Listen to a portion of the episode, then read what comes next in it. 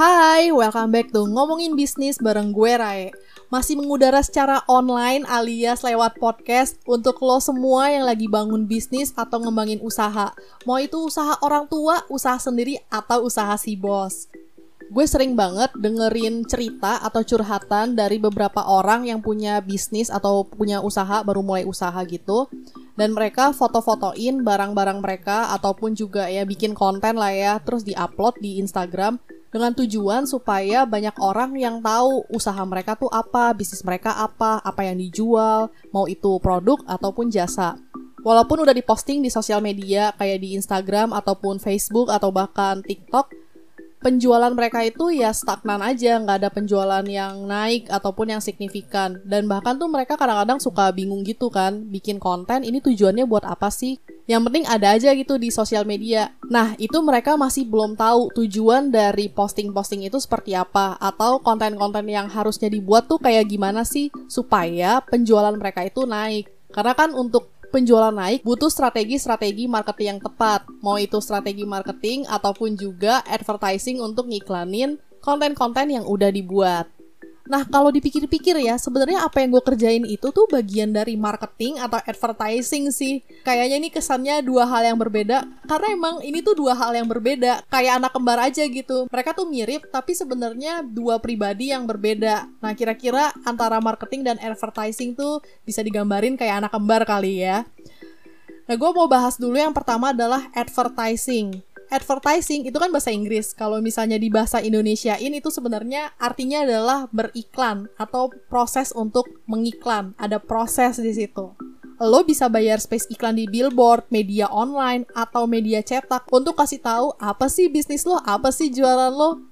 Nah, proses ini tujuannya untuk menarik perhatian orang-orang supaya minimal paling nggak tuh mereka mampir deh untuk lihat-lihat lo tuh jualan apa sih, sesuai nggak sama kebutuhan mereka. Harganya cocok nggak? Intinya lo kasih tahu aja ke semua orang jualan lo itu apa. Dan syukur-syukur nih ya kalau misalnya mereka tertarik untuk beli atau pakai produk lo. Proses advertising ini udah pasti bayar iklan. Kalau di zaman digital kayak sekarang, iklannya biasanya di internet dan lo pasti sering banget deh untuk nemuin iklan-iklan yang ada di internet. Bisa ada di YouTube, di Instagram, ataupun di TikTok. Bahkan kadang-kadang lu sampai pusing sendiri gak sih karena saking banyaknya iklan bertebaran di internet dan lu sering banget untuk skip ads, skip ads, skip ads. Nah, kira-kira iklan digital tuh kayak gitu. Mungkin enaknya adalah lo bisa nge-skip iklan-iklan yang menurut lo kayaknya nggak relevan sama lo atau misalnya lo lagi asik banget untuk nonton sesuatu terus itu keganggu sama iklan. Agak beda memang dengan iklan-iklan konvensional. Tapi gue bukan mau ngomongin soal gimana caranya untuk terhindar dari iklan ya. Ini gue cuma mau ngejelasin aja iklan itu tuh kayak gimana sih khususnya tuh iklan-iklan yang ada di dunia digital. Iklan di dunia digital ini lo bisa pasang lewat Google Ads sama Facebook Ads. Gue udah pernah bahas ini di episode sebelumnya. Jadi kalau misalnya lo belum pernah dengerin, setelah dari dengerin podcast ini, lo langsung aja scrolling untuk lihat episode-episode sebelumnya di mana gue bahas Facebook Ads ataupun juga Google Ads. Nah, mau pakai Facebook Ads ataupun Google Ads yang namanya iklan pasti butuh duit atau butuh budget marketing itu semua bisa disesuaikan dengan kebutuhan lo, output, ataupun target market lo itu seperti apa. Biasanya, output utama dari advertising ini sebenarnya untuk meningkatkan sales. Jadi selama lo mau ningkatin sales, lo juga mesti bayar promosi iklan yang lebih banyak. Supaya nggak bosen, lo bisa iklanin beberapa produk, ataupun juga menggunakan beberapa campaign, atau pakai beberapa angle dari produk ataupun campaign lo kalau ada macam-macam konten kayak gini, lu jadi kayak punya pilihan dan juga bisa disesuaikan dengan target marketnya. Paling nggak orang-orang yang dapetin iklan itu nggak ngerasa, ah gue udah tahu nih ini iklan dari brand ini, gue udah tahu nih ini iklan dari produk yang ini. Ya minimal kayak mereka punya paling nggak kalau misalnya dari satu brand mereka bisa ngeliat model iklannya itu ada dua sampai tiga gitu jadi mereka nggak bosan-bosan amat dan mereka juga tertarik untuk minimal datang ke profile lo Nah, proses ini tuh sebenarnya mirip-mirip kayak bikin konsumen dingin lo tuh jadi panas. Paling nggak mereka familiar dulu nih dengan brand yang lo punya, dengan produk yang lo punya, ataupun dengan jasa yang lo tawarin. Untuk yang masih belum ngerti konsumen dingin ataupun juga konsumen yang panas ataupun target market yang dingin ataupun target market yang panas, gue mungkin akan ngejelasin ini di episode yang lain ya. Selain itu, lo juga mesti mikirin kompetitor-kompetitor dari bisnis lo entah itu jualannya yang mirip ataupun gaya marketingnya yang mirip. lo bisa bidding iklan dengan harga yang tinggi supaya iklan yang lo punya itu ada di urutan paling atas atau yang paling sering ke expose ke orang-orang. Tapi ini semua tetap balik lagi disesuaikan dengan budget marketing yang lo punya dan proyeksi sales yang lo harapin. Kalau tadi gue ngebahas tentang advertising, gue sekarang lanjut bahas tentang marketing. Kalau marketing itu adalah bagian dari proses pemasaran yang fokusnya ke kebutuhan dari target market. Mereka bakalan mengidentifikasikan dulu nih target marketnya di usia berapa, terus pekerjaan mereka tuh apa, tinggal di daerah mana, kebutuhan mereka seperti apa. Setelah mereka riset tentang siapa calon buyer mereka atau misalnya target market mereka, si marketer ini atau tim marketing akan menawarkan produk yang sesuai dengan kebutuhan mereka. Proses marketing memang lebih lama dan panjang dibandingkan dengan advertising yang terkesannya teriak ke mana-mana dan mesti rame supaya banyak pelanggan yang datang. Marketing, apalagi di masa sekarang, nggak perlu namanya teriak-teriak produk gue tuh nomor satu sedunia dan bermanfaat untuk A, B, C, D dengan harga yang murah, dengan harga yang terjangkau lebih daripada itu semua, marketing tuh lebih menekankan ke value dari target market mereka. Marketer atau tim marketing akan menekankan gimana caranya supaya produk mereka ini menarik dan orang-orang tuh mau beli nggak pakai mikir atau bahasa gampangnya bikin mereka tuh jadi kayak impulsif buying gitu karena barangnya bagus, unyu, cakep, ya semacam itulah. Yang paling sering sih dibikin kayak FOMO gitu deh, fear of missing out. Jadi mereka harus on the trend menggunakan barang-barang yang mereka punya. Selain memberikan value, lu juga bisa bikin supaya customer lu tuh loyal dengan kasih service ataupun garansi ke barang-barang atau jasa yang lo jual.